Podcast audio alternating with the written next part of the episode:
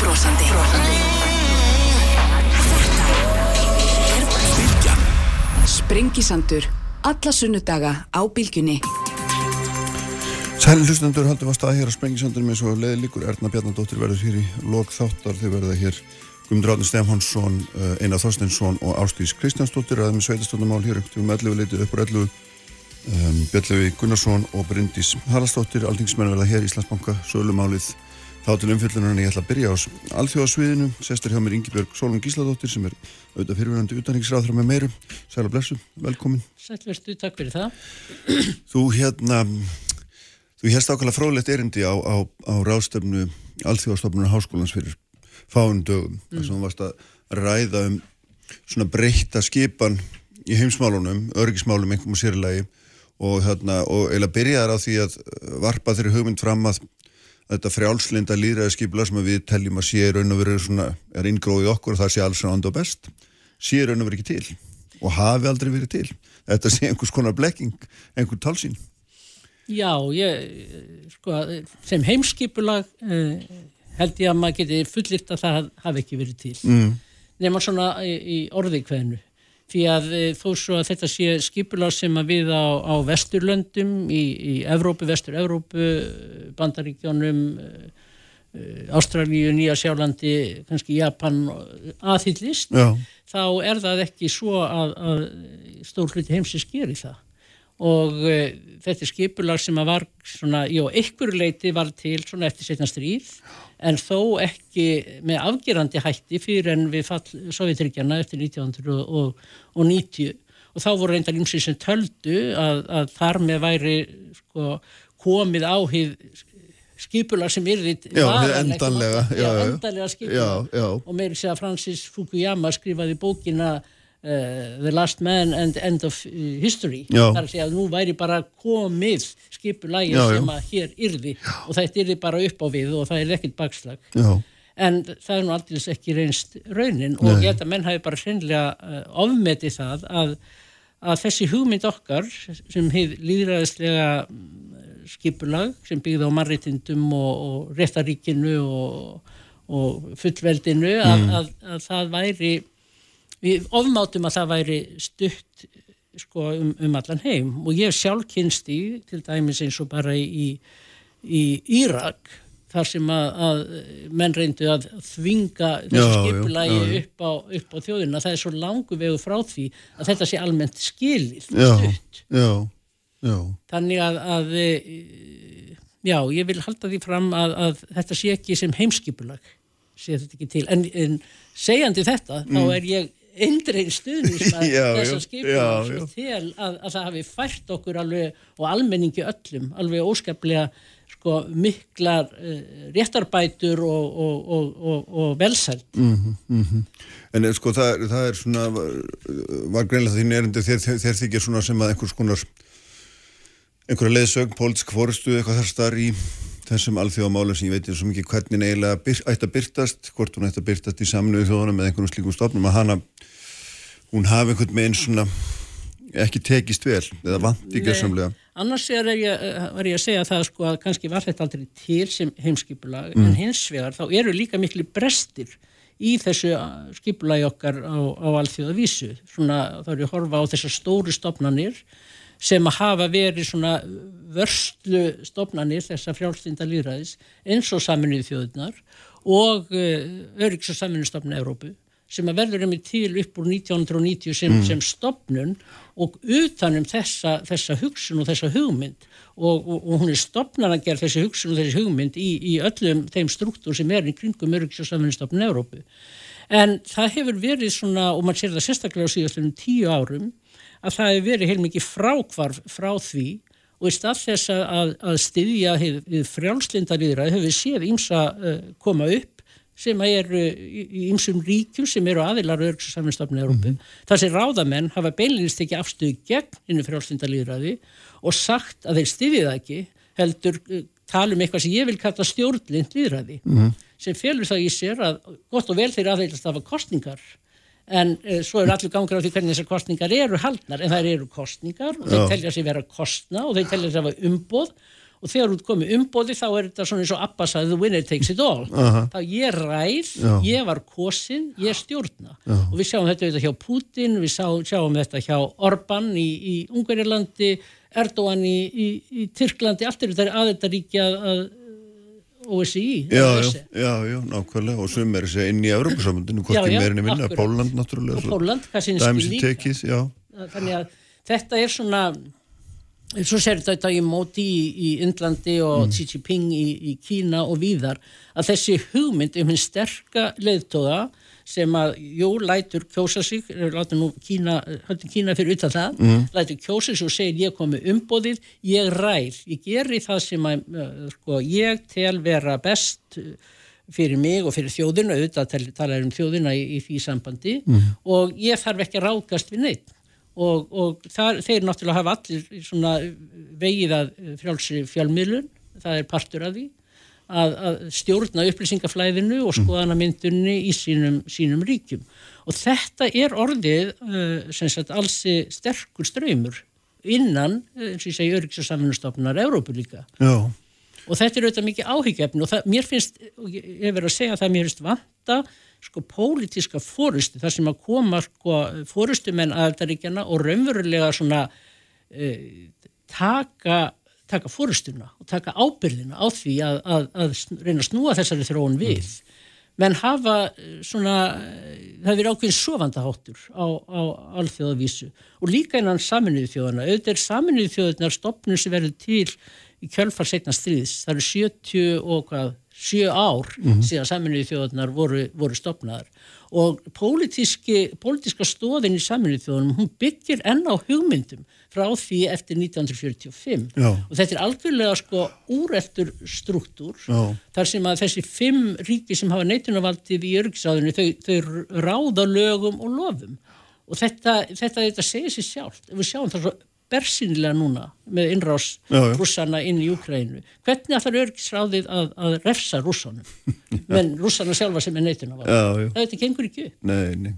Og einhvern veginn verið stálþjóða samfélagi hérna, vera algjörlega máttlust ég út í það er farið, það er eina sem hættir að gera er að senda inn hergögnin að öðru leiti þóra mann ekki gera neitt gegvart hótumunum einmitt þessa, þessara sterku leitu eins og þú nefnir sko. Nei, þeir, þeir, alþjóðarsamfélagi er svolítið viklað gagvarteim og máttlaust.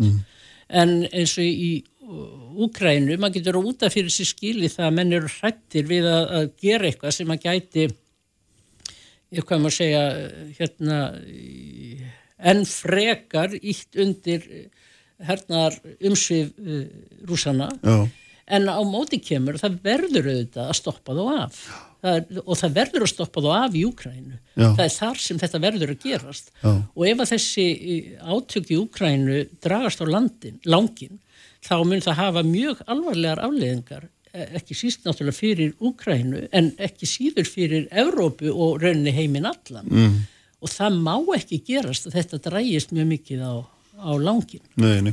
Það var nú svona kannski svolítið sameilu tótna þessari ráðstefnu var einmitt þetta sem að mann ekki hvort að þú orðaði fyrst eða einhver annar en það var þetta með hugsunum að maður náttúrulega semur ekki við vinni sína, maður semur við óvinni sína og þess vegna verður maður að halda talsambandi og, og þessi hugmyndum að hérna, menn er það umgangast eða sætta sig við það að umgangast hrotta heimsins eins og aðra. Já, já. ég meina það er auðvitað staðan í það, það er staðan, það er staðan, það verður að vera, vera talsamband, það verður alltaf, þetta verður eh, sífælt erfiðara eftir því sem að, rússarnir ganga fram með meiri, meiri hrottaskap og, og meiri eh, ílsku, ef við getum sagt svo í Ukrænu, þar sem við sjáum að það er verið að drepa uh, saklösa borgara, það er verið að nauðga konum, hvernig í veröldinni, sko, fyrir, fyrir Selenski sem fórustumann í sínu ríki, hvernig ætlar hann að semja við eitthvað sem að kemur fram með þessum hætti. Þetta er ekki lengur bara að þessi að ráðast á hernaðlega mikilvæga hérna, sko, her- hernaðlega mikilvæg skotmörk eða á, á, á ukrainska herin. Þeir eru að ráðast á almenna borgara.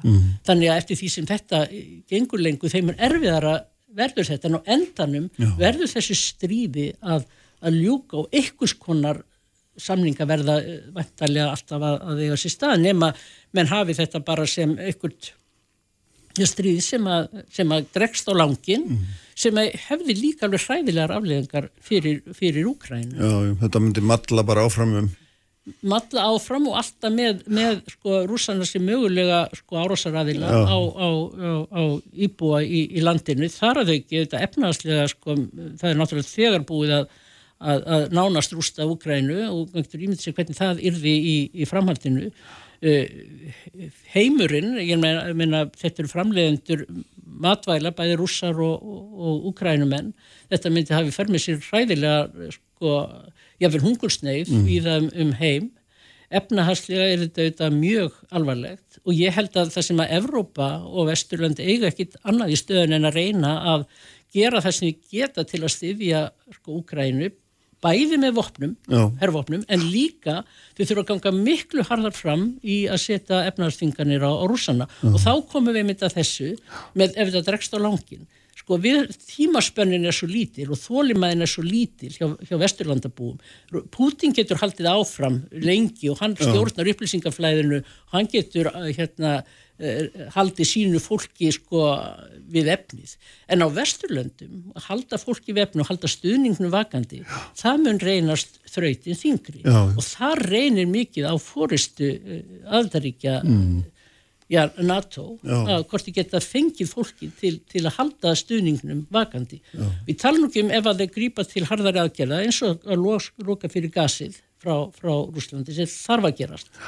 Já, enginn vil gera. Nei, enginn vil gera. Það er miklar efnarslegar afleggingar fyrir almenning í þessu löndum og þá verða menn að stíga fram og gerast raunverulegi leðtóar og ná þessum stuðningu fram. Já, en sko það er hérna það sem þú ert að lýsa um þræði er náttúrulega svona þessi hugmynd okkar um að breyða út vestrænt frjálslind skipulega hugmyndir með því að opna landamæri og, og beita allum þessu viðskiptum, menningarsamskiptum, hvað svo sem það heitir öllum samskiptum og hún efra einhverju leiti brúðist. Já, það má, það má auðvitað segja það. Sko það sem er auðvitað, er aðbrúðlega í þessu öllu saman, er að, að sko rússar eru auðvitað aðilar að öllum þessum sko samningum já, já. og já, hafa gert pólitísk skuldbindandi samninga í gegnum örgis og samfunnstofnum í Európu um að virða þetta alls saman, að virða landamæri að, að, að virða uh, og blanda sér ekki innri mál uh, þeirra ríkja sem það er aðil, þeir hafa, hafa undirgengist þetta allt og síðan er það ekki pappisins virði sem þeir skrifa á. og það gerir það þetta líka erfitt, hvernig á maður semja við einhvern aðila sem að ekki stendur við þær skuldbindingar sem hann, já, sem hann gerir. Já, já, ég menn er ekki þannig að mann ekki, er ekki bara alveg helsingisáttmálun frá 75 aukstöðar þar sem að uh, Sovjetríkinn þá vantilega að skrifa undir að þau virði sjálfsákunar rétt þjóða og virði þau landamæri sem sett voru eftir setna stríð og, og svo framvegs, ég minna þetta er brotið. 75 þá undirgangast þetta að virða einmitt landamærin eftir setna stríð og blanda sér ekki innríkismálanar og virða sjálfstæð og fullverdi 1994 í Budapest þegar Úkrænumenn gáfi frá sér kjarnavopnin þá uh, gefa þeir öryggiskuldingu mm. fyrir Úkrænum um mm. að þeir muni virða landamæri Úkrænu fullverdi og sjálfstæði ekkit að þessu uh, hérna er síðan virt Nei En sko það sem er, þarna, það sem þú varst að tala um líka aðan er áhugavert að sko, hérna, það vantar fórustu, það vantar, eða við höfum verið á værukjærfið kannski að verja þessi gildi sem að, eða íta þeim áfram, við veit ekki, sem að, hérna, við teljum að séu, séu góð þar að segja, þetta er svona, hérna, þessi líðræðisgildi, mannréttindi, jafnrétti, uh, jafntækifæri, hvað er maður að kalla það, þetta er einhver svona, einhver, hérna, einhver upptalning af góðum hugmyndum um samfélagi sem að við teljum allavega að vera og við höfum svolítið kannski gugnað á að íta fram eða gengum við hart fram í það hvernig Sko ég, þetta er, er dálítið tví ekki sverð sko því að, mm. að hérna, stundum hafa og sérstaklega bandaríkin uh, ætla sér að, að koma þessum gildum á með, með, með valdi. Mm. og það er auðvitað alveg sko galin hugmynd. Því það er auðvitað með því að, að sína fram á að við séum með sterk og öllu samfélög þar sem að Eh, jafnrétti jöfnuður ríkir, það er þannig sem að þetta getur eh, sem sagt, laðað að eh, önnu ríki. En, en ekki með offorsi eða vopnavaldi. Mm.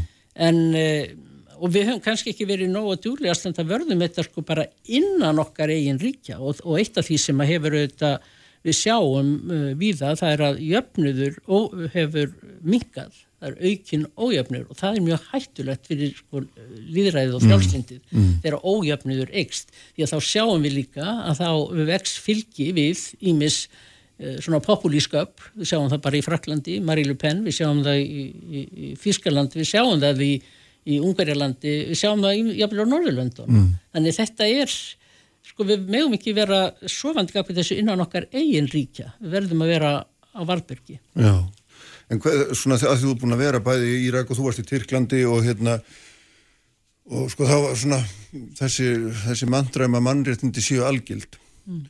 er áhugaverið þessu sambandi að því þú saðir hérna líka í umræðunni að, að hérna, þú hefði stundum á tilfinningunni þegar þú varst að tala við fólk að við værum og í tróðslusum við værum og uppáþrengjandi með okkar vestrænu gildi og mm. værum að reyna að tróða þeim í fólk sem eru allt annan bakgrunn, enga fórsundur eða engan vilja til þess að laða sig að okkar hugmyndum mm. skýrðu þetta eins, mér finnst þetta áhugavert hvernig... Mannrétt er, eru þetta algild og við eigum all tilkall til, til mannréttinda sem, sem einstaklingar mm.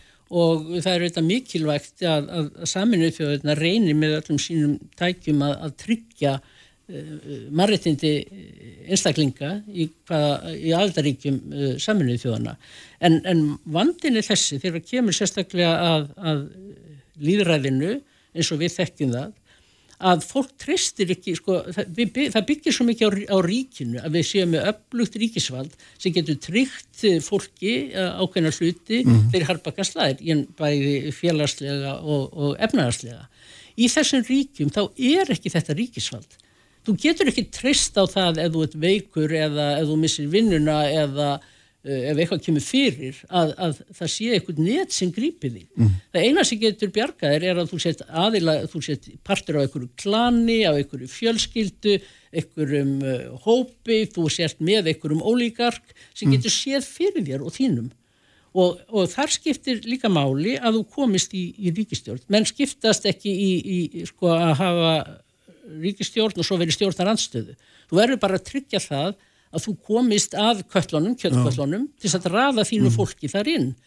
Út á það gengur það. Eins og í Írak núna þar sem að sko, menn eru deila og það er alveg klárt hverju unnu kostningarnar en það snýst ekkit um það. Það snýst um það hvernig með semja um að skipta þess á milli sín þannig að þú getur rafa þínu fólki á jötuna eins og við sjáum það. Já. en þetta er eina tryggingin sem fólk hefur Já. að því það er ekkit annað sem grýpur og þetta er þarna færðu vinnuna þarna færðu lifibröðu En erum við, erum við með því að segja eins og þú ert að nefna að hérna, við þurfum að svona gæta að, komur að segja hérna, gæta því að vera ekki svona uppáþrengjandi í tróðslu söm með þetta og, og, og, og svona vera að þvinga einhverjum hugmyndum og skipla upp annað fólk, ég meina erum við þá til dæmis að segja það að, að ef maður taka réttindi hvenna til dæmis og þau séu einhvern veginn umsemjarlega eftir í úr hvaða kultúr þú kemur, því þú kemur nú hvenna reyfingunni hérna, hlýtur að vera hérna brín spurning að velta fyrir þér Já, auðvitað brín spurning og auðvitað hljótum við alltaf að, að hérna að, að vekja aðtikla á því að þetta eru aðeitaríki saminuð þjóðana þau hafa undirgengist ákveðin skuldbytningar mm. og þau verða að virða þær skuldbytningar þau get ekki verið stikk frí frá því þannig við verðum alltaf að hamra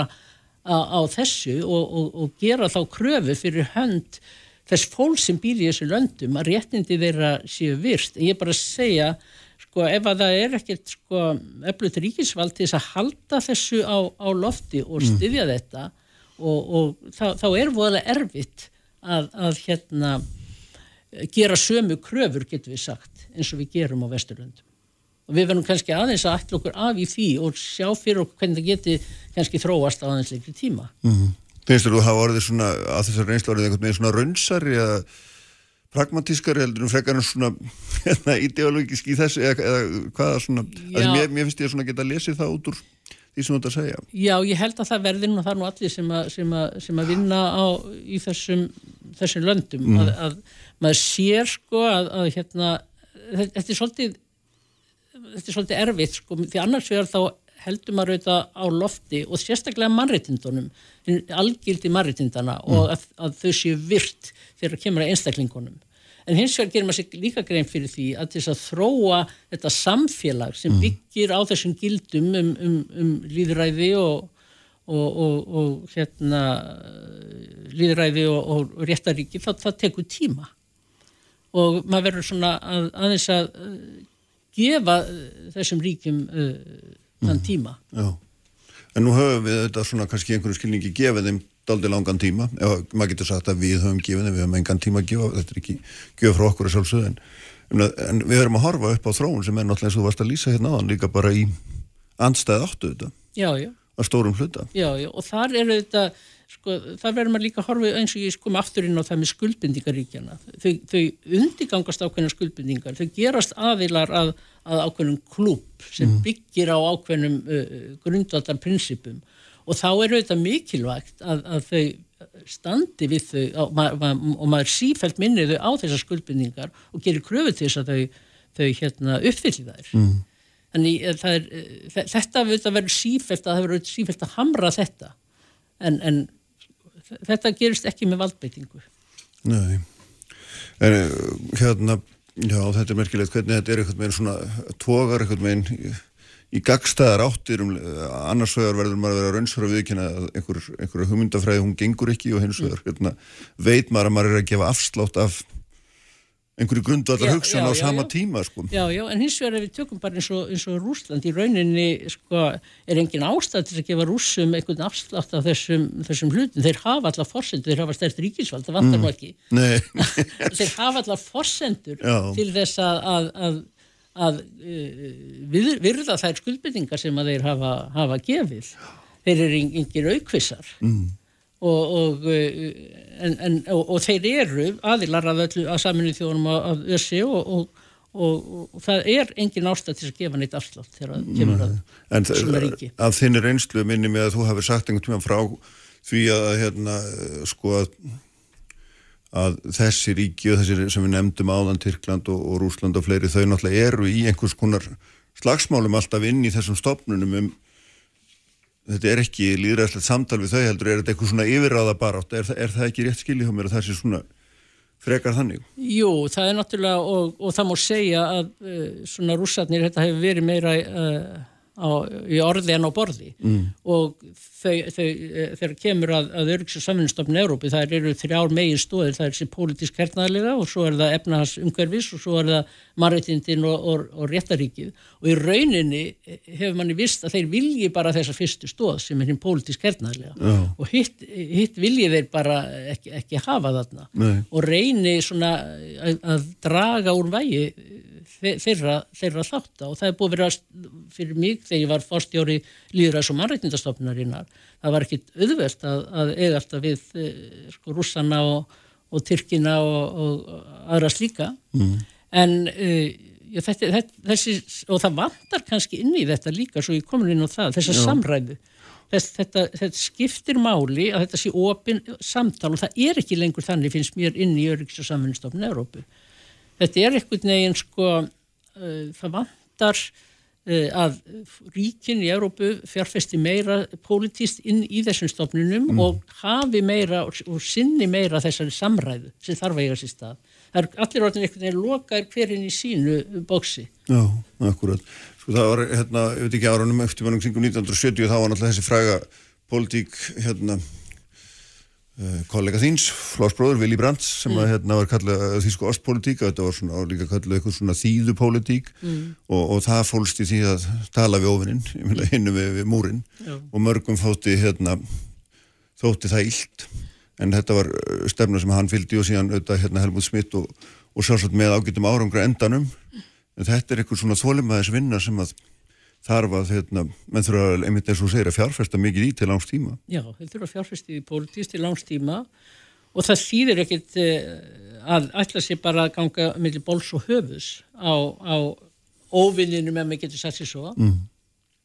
Það verður að reyna að halda ykkur í talsambandi og reyna að ná ykkur, ykkur vitsmunarlegu samtali sem getur leitt til ykkur að lausnar eh, eins og, eins og í Ukrænu. Mm það er bara það, það er svo mikið í húfi já.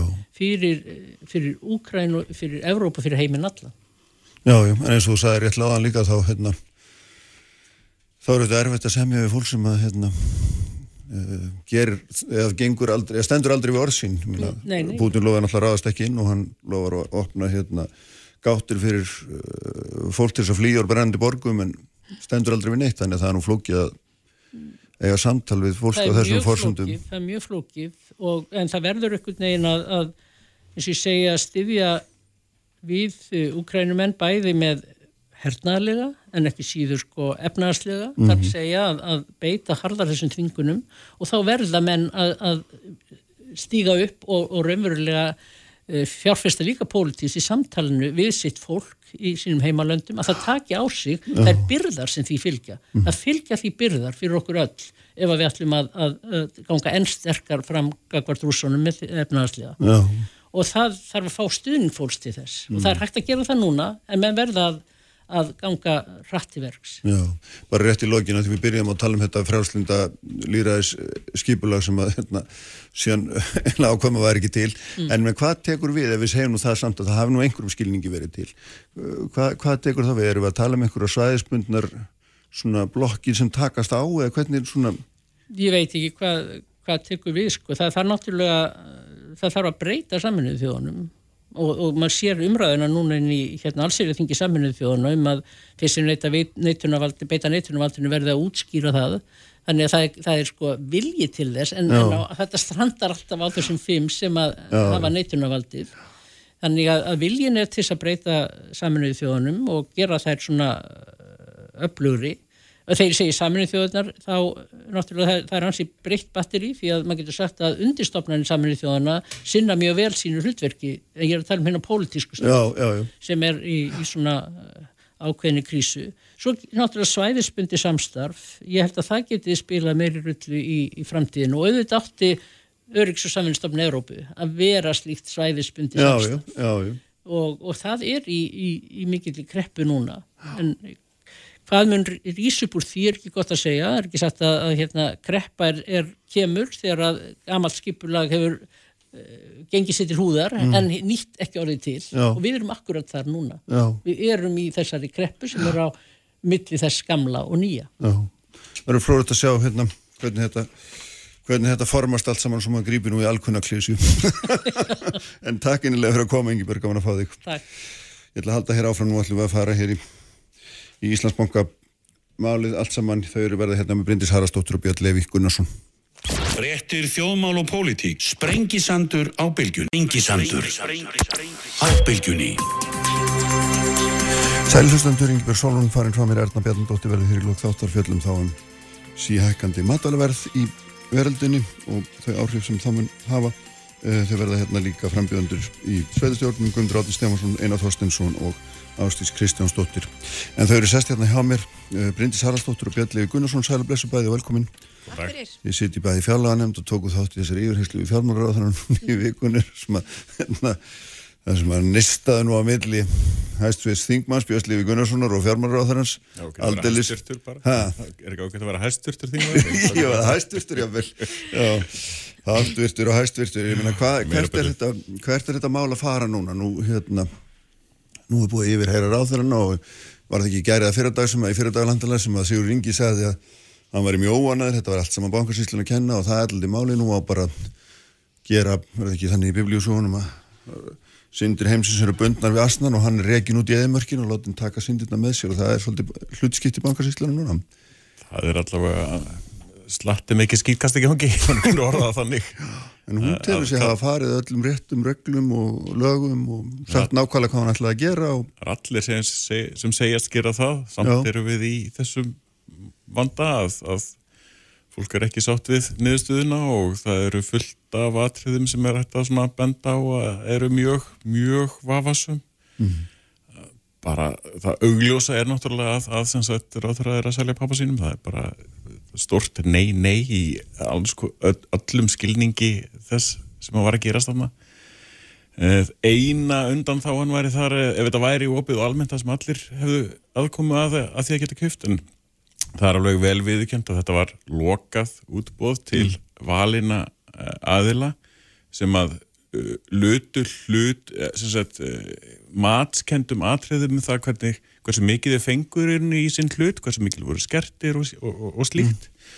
og þegar að svoliðis á við þá þarf ráð þeirra að kvitta undir allt slíkt allt, það er ekki bara verð og magn það, það er bara fyrirsláttur að, að segja að það sé það eina sem að þeirra ákveð Erst þú að segja okkur að, að þér finnist að þeirra hefur þurft að fara yfir hvert og eitt tilbúð og yfir hvern og eitt kaupanda og, og, og, og hvað á hann að gera við hann, það Björli, hvað á hann að gera við það vittnesku sína? Hann þarf að spyrja mun ítarlegri spurninga heldur en hann gerði. Mun ítarlegra spurninga, bara einfaldra spurningar eins og er ég vanhæfur til þess að taka þessa ákverðin mm -hmm. gerði það ekki.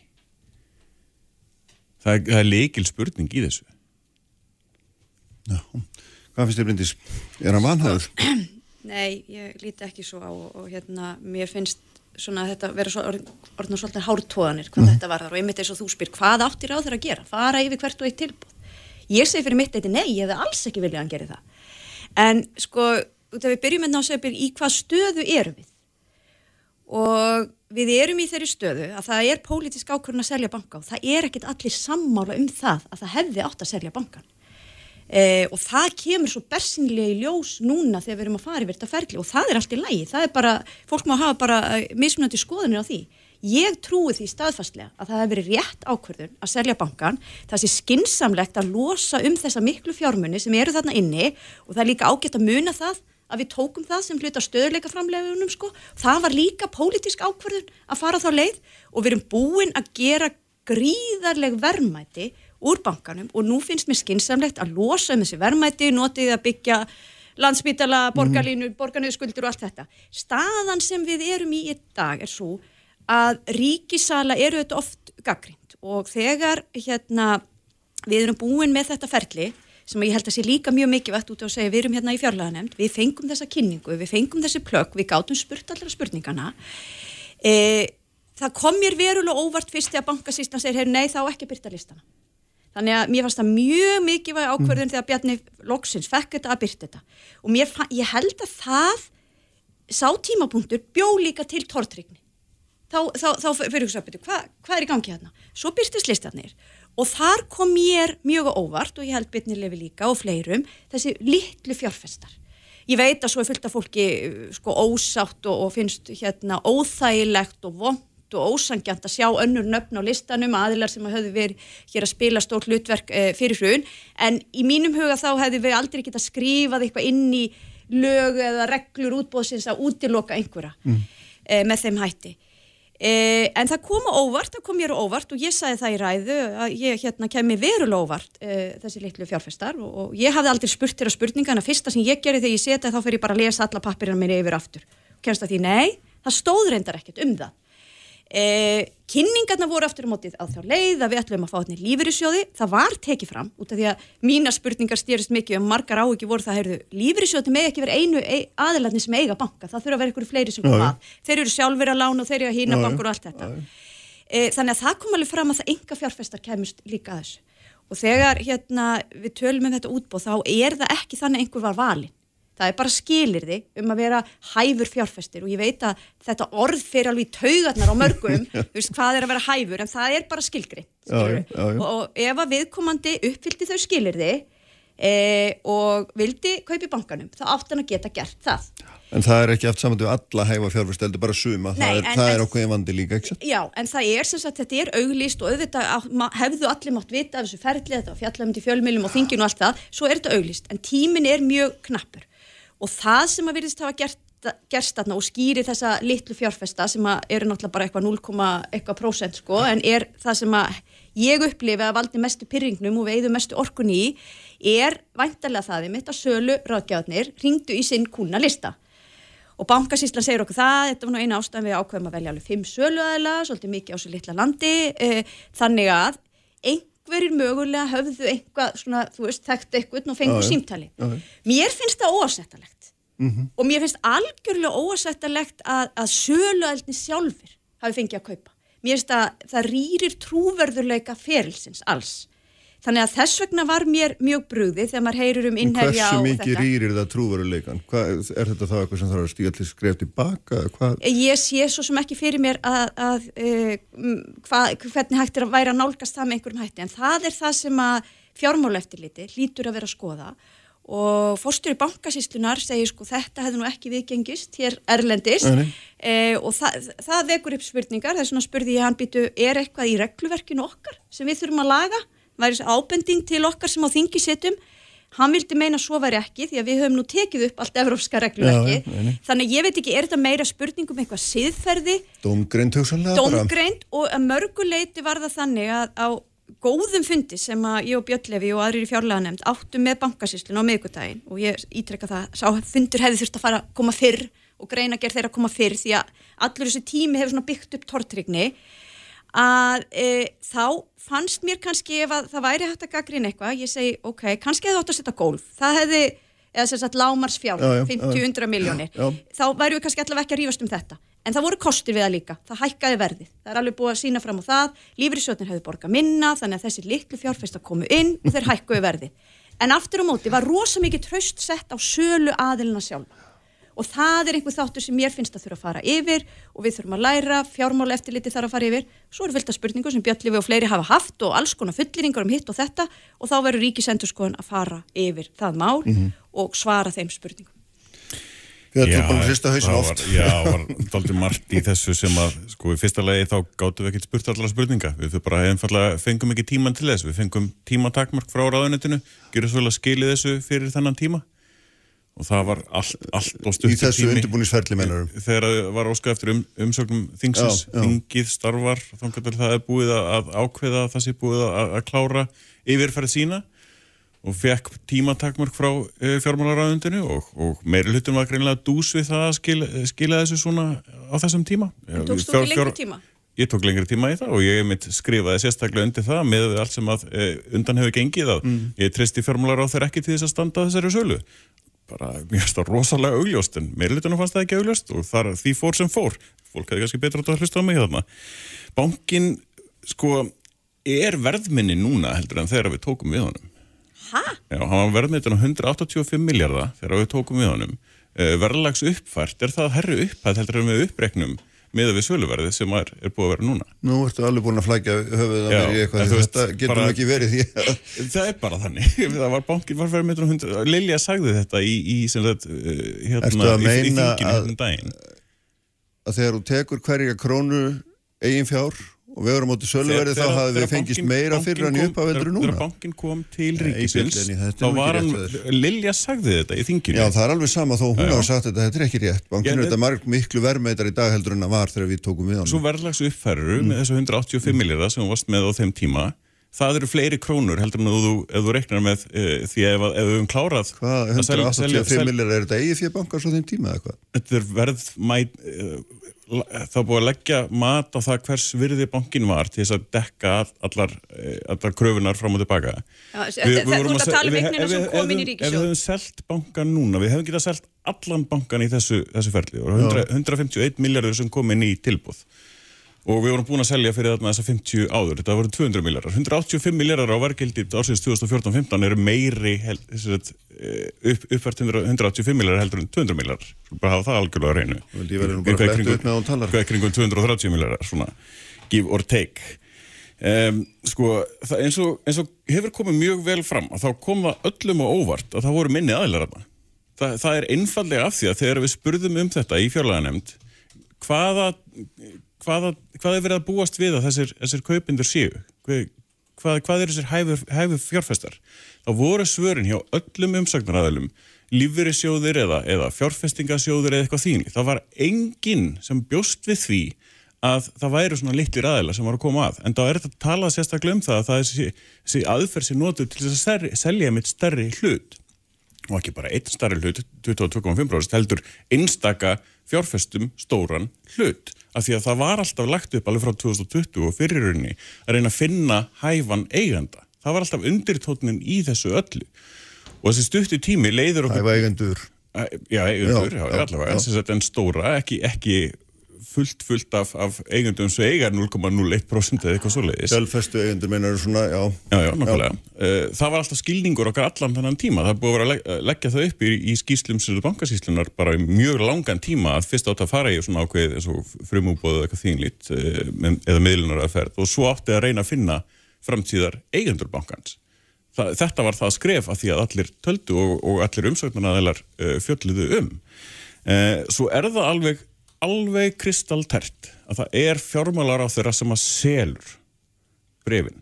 Vissulega sem Hann- hann framselur jú. Hann, byður bankasýsluna um að framkvæma það Já. sem hann leggur upp sem vinsvelnast hérna, gæti að þessum atriðum, noti þessa aðferð og svo framvegis, framkvæmi þetta. Síðan skilar bankasíslan raukstutu áleiti sína á því hvernig hún náði að fylgja framkvæmt leiðbyningum ráðherra. Þar er ráðherra að taka ákvörðun um söluna og, og kvittur upp á ég sel þetta. Kláriði síðan pappirsvinnuna er síðan afgangurinn sem að, að bankasíslan gerir. Þar er ákvörðunin um söluna tekinn og þegar að það er verið að beita huglægum sko, matsatriðum um það hvernig áskerða hver flokka sem lang, langtíma fjárfestir, mm -hmm. skamtíma fjárfestir og svo framvegis, þá er það ákverðun ráð þegar þannig kvittar undir það að það huglega mat sé samkvæmt hans forskrift annars er einhver að ljúa einhverjum og það er ekki það sem við höfum hirt í þessar umræðu. Við höfum hirt að bankasíslan hafi farið einu og öllu eftir fyrirmælum rauninni ráþæra og ráðunendis verið ítrekkað í sam, samskiptu við þá mm. uh, hérna, uh, ráðunendið var þarna á fundunum bara um kvöldi þegar var verið að, að, að sinna þessu ferli.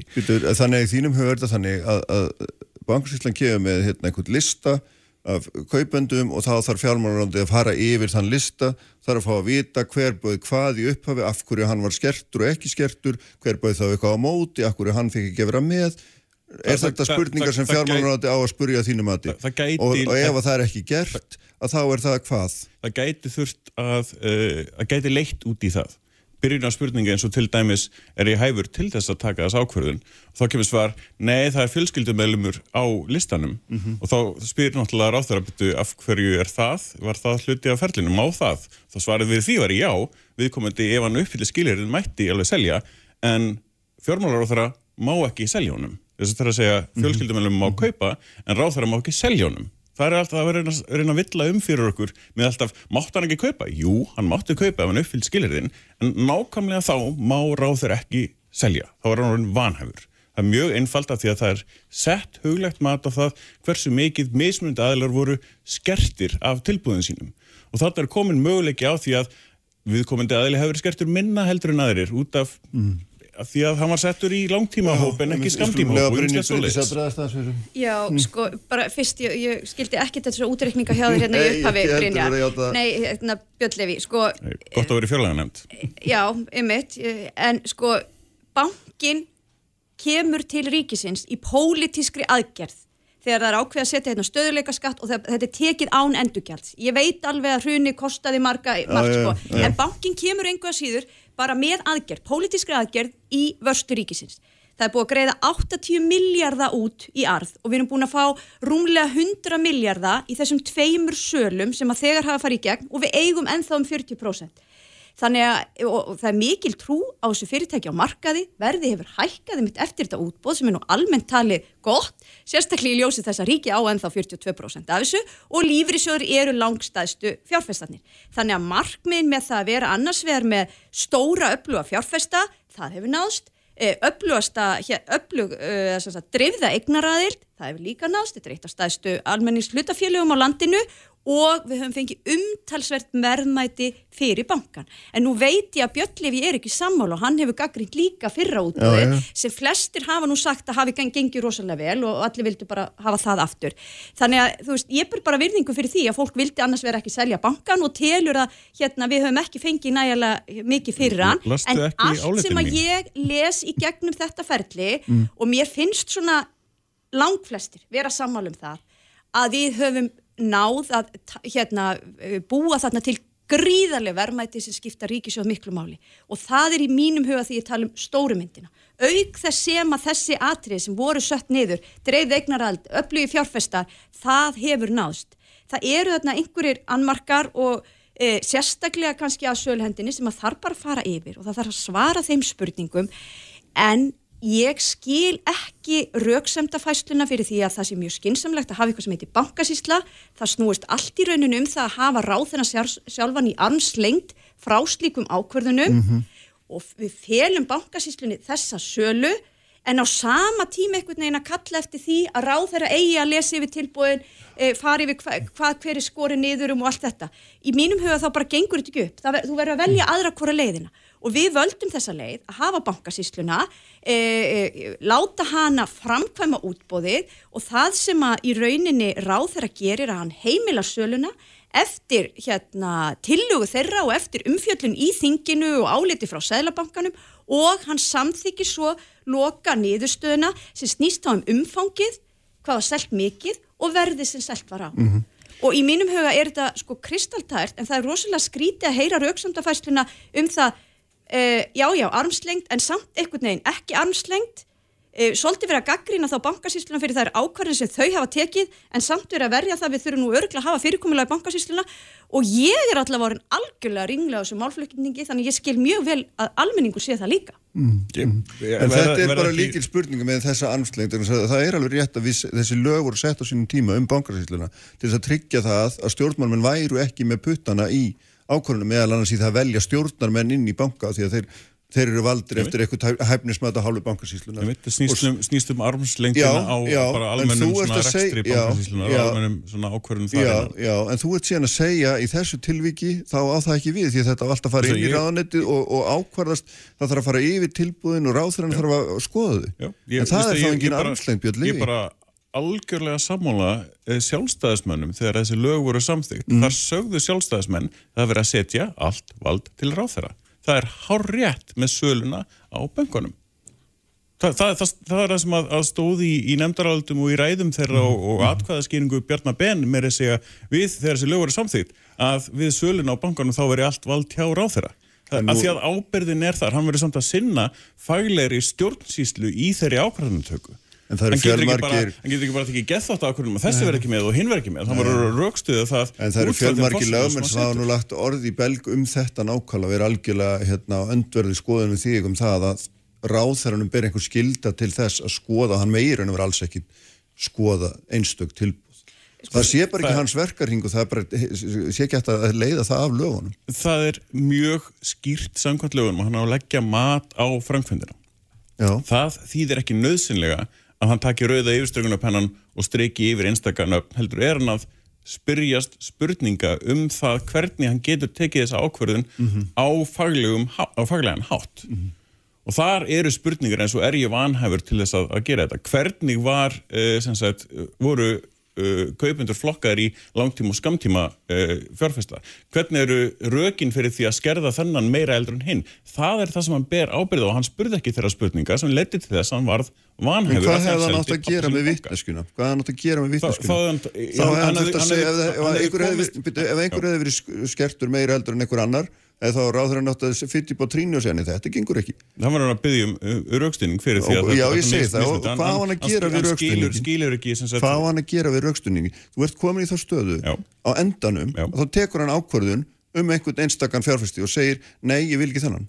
Nei, hann getur sagt bara- þessi þarf að fá meira, eða þessi þá- þarf að fá Hann er þá minna. annarkvort að byggja um nýja sagt, hérna, útskýringu á, á, á því að Mm. hún finnst hann ekki vera fullnægandi byrja þá nýja, nýja raukstunning fyrir því sem að, sem að svarar þeim spurningum sem hann hefur um af hverju það, er þessi skertur meir en, meir en annar ef það er ekki hægt að útvega þá hún er ennþá ósættur þá er hann vandalega bara, það er greinlega ekki nægilega góð lýsing á sölunni þá er bara hægt að við þetta eða þá að bara, í, í tilveiki þess að vera, vera vanhæfur af því að maður að selja fjölskyldumæðlum bara svona, ég, ég get ekki komið að þessu. Einhver annar á þeirra að vera að koma hérna í staðin, staðin fyrir mig. Þegar, þegar, þegar allt, allt kemur til alls þá er verið líka að segja hérna, fela rosalega mikið á bakvið það að það sé bara að búa til gríðaleg verðmætti en við erum í þeirri stöðu að já, það voru búin til fullt af verðmættum en það er samt vandin um undirleikandi spillinguna er, er, er það í lægi að bara glossa yfir það að því við fengum svo ógislega mikil verðmæti að það eru einstaklega aðilar þarna sem að verulega stórar spurningar það er, eru um varðandi Bjarni, það er verið, að- það er skoða það, er það er verið að skoða það. En, Já. einmitt, það, það, það er ekki lægi, skoða. þess vegna er verið að skoða og, og, og það er verið að skoða á þeim vettvangi sem að lítur ekki að þeim ákvörun og ábyrð ráðherra og það er það sem við bent á það, er, það, er, það þarf að skoða bæði bankasýsluna og söluráðgjöfana við bara tökum heilsugar undir það. En það er einfallega ekki verið að skoða hvaða ábyrð ráðherra barðarna Þetta er ríkisendur sko. Gerir það ekki svo Jú, jú, jú. Sko, Ég, bara, ég, ég, ég, ég, skal, ég skal bara ég skal bara geta hatti minn ef að, ef að ríkisendur skoðun gerir það þegar allt kemur og bara fag, tek því fagnandi ef að svo verður Já. Nei, ég segi bara, sko, fyrir ekki bara vonda íslensku, mér finnst þessi rauksumdafærsla hérna bara, hún meikar ekki sens í mínum huga eh, hvernig ráð þeirra á annars vegar að fara yfir þetta en samt einhvern veginn ekki hérna, eh, sé einhver armslengt og svona, ég bara, ég skil þetta ekki en sko, málið er bara það, einmitt það er verið að skoða þetta með söluðælina, eh, einhverja innherja eða, eða, eða eitthvað sem gæti hafa farið úrskeiðst þar og eru alls konar sögursagnir um, en það eru sögursagnir, það þarf að skoða það, svo er ríkisendurskoðun að fara yfir allt ferlið. Þannig að vangaveltur ymmit og ásaganir og svona möguleg, hugsanleg, vanhæfi, ráþerra eða brotið eitthvað, öll þessi stóru orð sem hafa fallið, það er verið að skoða þetta allt saman og þá skulum við bara taka skýslu ríkisendurskoðunar þegar hún kemur og fara yfir það hvort að hérna, þar hafi ykkur pottur verið brotin í framkvæmdini sem slikri. En þú sérði ekki að, að það sé einn pólitísk ábyrg sem að hérna, þarna liggja baki sem við þurfum að skoða nákvæmlega með einhverjum öðrum hætti, vildum sem er ansóknar nefnda hálfu þingsins. Já sko, pólitíska ábyrgin er algjör og af stóru Já. myndinni af ferlinu öllu ber Bjarni Bendilsson og við sem komum að þessu ábyrg og allt sem að ég hef séð í þessu ferli segir mér að stóru megin markmiðin hafi nást, en ég er ekkit fullkomlega sátt og þess vegna þarf að svara þessum spurningum mm -hmm. en, en stóra myndin eins og ég segi þessi verðmæti, hvernig við höfum tryggt hag ríkisjós, hvernig við höfum tryggt reyða efnaraðild, öfluga fjárfesta líka allt þetta hefur gengið upp sem voru stóru markmiðin e, og, og ábyrðin er til staðar e, klárlega, samt, samt en þegar við, þú nefndir já. hérna mm. rannsóknanemdina sko, við, það var eiginlega að byrja á því fyrir páska eh, að, að æpa þetta upp og þá hugsaði byrju, ok, hvað á rannsóknunemndin að skoða? Mm -hmm. Vist, við vorum ekki einu svona komin á þann stað að vita nákvæmlega hvaða væri sem ætti að fara að skoða. Við vorum enþá bara svona í reiki. Ég held, út af því að við erum í svona pólitiska veruleika okkar, að þá held ég að Eva Bjarni Binditsson hefði ekki rægt til að ríkisendur skoðin færi við málið, mm. þá hefði það verið til að frá stjórnarlandstöðinni. Við höfum öll samþygt það og farið sátt heim sko. En mér ég upplifði það með þeim hætti að í svona pólitiska upplaupinu þá er þetta svolítið kapplaupum að ganga lengra og ég ljósi þess að Bjarni Benediktsson sæði strax, heyrðu, við viljum velta við öllum steinum, við viljum ekki að neinum spurningu sér ósvara því að ymmit, tröstið á ferlinu skiptir okkur máli, þess vegna ætla ég að fela ríkisendur skona hérna að fara yfir mm -hmm. það. Og með því hjælt maður þá náttúrulega kannski það myndi nást sátt um það, heyrðu það verður bara að fara yfir þetta. Nei, þá er allt vittlust og það vil eitthvað fara eitthvað lengra. Fyrir mér þá vil ég fá svör við þessum spurningum og þessum ásökunum sem haldið verið fram fljótt og vel. Og ég held að ríkisendurskoðun sé mjög vel til þess fallin að svara þeim spurningum fljótt og vel. Að setja á rannsóknanemnd þar sem að við auðvitað þurfum að afmarka hvað á að rannsaka sem að var enga með ljóst á þeim tímapunkti sem þessi krafa kemur nú fram. Það þarf að skipa fólk í rannsóknanemndir þetta tekur nokkur ár.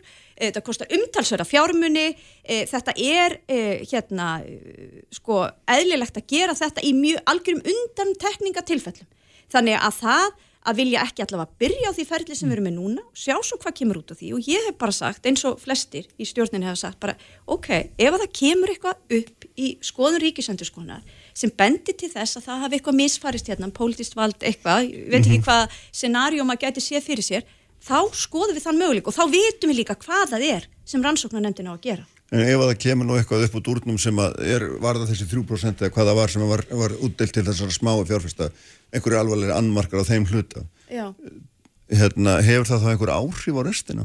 Eða er þetta bara einangrið aðvim? Þetta er allt í einu og sama ferlinu? Þetta er allt í einu og sama ferlinu, er þetta að meina hvort það spilist einhvern veginn tilbaka eða eitthvað? Já, ég er að velta því fyrir mig bara, ég meina ef það kemur upp og þarna hafi við hérna verið verilegu misbrestur á Já. í þessum, þessum, hérna, af, þessum pínu litla hluta sem enn tala ekki um þetta er bara 3% Þetta, þetta er einmitt litli hlutin en, en, en, það er Hvaða áhrif hefur særi, hann á heildina? Ég, ég átta mikið alveg á því, ég bara viðkjörn það ég átta mikið fyllilega á því, en þess, þeim mun mikilvægra er að fá svör við þeim spurningum hratt og vel Þannig að það sé þá hægt að bregðast við því. Ekki setja það inn í einhverja rannsóknarnemnd sem tekur þrjú ára að finna út úr því hvaða er sem fór úrskeiðis þarna. En það á þetta vera, þetta er bara að skrifa inn í lögin, þetta er hlutverk fjármála eftir þess að fylgjast með mm. því hvernig þessir aðilar á fjármálamarkaði mhm. starfa. Mm. Og ég ítrykka enn og aftur, við höfum tekið upp allt lagaverk Evrópusambandsins, við höfum meiri sig að gengi lengra hérna að einhverju leiti E, þannig að ég stóði þeirri meiningu og ég er reyndar alveg vissum það að við erum með allt, allt, allt annað umhverfi eldur en við höfum hérna fyrir bankarhun og mér er strósalega mikilvægt að við sem kjörni fulltrúar tölum með þeim hætti því að ég skil líka þegar fólk aðna úti verður hrætt, jafnvel reitt og hugsa bara er eitthvað, er, erum við að fara að sjá annað bankarhun mm -hmm. og ég bara fullir því, svo er ekki. Mm -hmm. Sko, Lokavar björn og ekki eftir land. Við, við, við skoðum þetta bara mjög gömgefilega um leið og, og þetta kom upp hvaða úrræði var í bóði og þá skoðum við mitt hverjir geta komið að, að, að, rannsaka þetta. Og, og fordæmið sem við sáum strax var þegar Ríkisendur skoðun skoðuði gömlu engaveðingana og fann ekkert sérstaklega mikið að. Og, og ríkisendurskoðun sagði sjálf að það væri af því að kemist einfallega ekki í sömu gögn og, rannsóknar nefnd og þá bara koma fordæmi fyrir því hérna erum við í svipuðu ferli aftur það að fara bara í ríkisendurskoðun það mun ekkert skila neinu miðað við fordæmið. Þannig að það þurfti greinilega stærra verkfæri sem þetta rannsóknar nefnd það var það sem við lögðum til strax. Uh, stjórnarþingmenn bökkuð okkur upp í því þingsal daginn eftir. Þá komin hins vegar skipunum að það væri bara ríkisendurskoðun sem væri nóg. Og við höfum ekkert að móti því að, að, að bæði fjármála eftirlitið og ríkisendurskoðun sé á sama tíma að stúsast í þessu, það er bara sjálfsagt. Þau eru, þau eru sjálf, sjálfstæðis sem störfum og svo framvegis. þeir hefur nú hérna, aðganga öllum, öllum gögnum. Já, ég veit ekki, ég efast til dæmis um að, að, ef að til dæmis fundurinn með bankasýslinni hefði ekki verið hérna um daginn, það sem að var, var játa að þykja gjafir og svo leiðis, Ríkisendurskoðun hefði hefði ekki skoðað það, kannski skoðað það núna þegar það komið fram, mm. en rann, rannsóknarnefnd hefði tímalust uh, farið út í, í slíkar, uh, slíkt, slíkt dæmi. Þessi teimur mikilvæg er kannski að við hefum einmitt byrjað á því að spyrja þessu spurningar sem við vorum að gera. Þegar við setjum, þegar við setjum upp rannsóknarnemnd þá er hluti af því ferli til dæmis að óska umsagnar en- frá ríkisendurskoðan. Það er ekkert flókið. Við, erum að, við viljum byrja því núna af því að það tegur kannski smá tíma að setja henni upp. Hún þarf ekki að vera í 2-3 ár, getur ekki mun- munst eftir tíma en það. Það er ekki það uh, margir klukkutímar sem hefur verið að skoða þarna í rauninni. Það er algjörn trals, þannig að þetta ekki taka neitt voða langa tíma. Við erum bara að byggja um það að byrjum á þessu strax til þess að það sé ekki rannsóknarnemnd eftir hvað hálft ár eða í haustið eitthvað svo sem er þá búið að senka um hálft ár þá fáum við niðurstöðuna hálf ári setna en við gætum fengið Ég held að sem bara góðri leið með þetta. Já. Þetta er í góðum höndum, við fáum svör við þessum spurningum og, og svo bregðust við við að það er niðurstöðu líka fyrir. og meðan þá ætlum við bara að vera með fjármálar á þeirra sem sér pappa sínum í banka Vei, æðislegt Þetta er bara málflutningur sem Björn Lifi hefur haft og það verður bara að vera hans. Ég ætla ekki eins og að bregðast við þessu. Heyrðu, takk fyrir að koma bæðu við komumst ekki lengri í bíli Sömulegis, takk. Við ætla að fjalla hérna þessum sveðstundamál eftir augnablík Sprengisandur. Alla sunnudaga á bylgjunni. Uppspretta frétta á Sprengisandi. Á bylgjunni.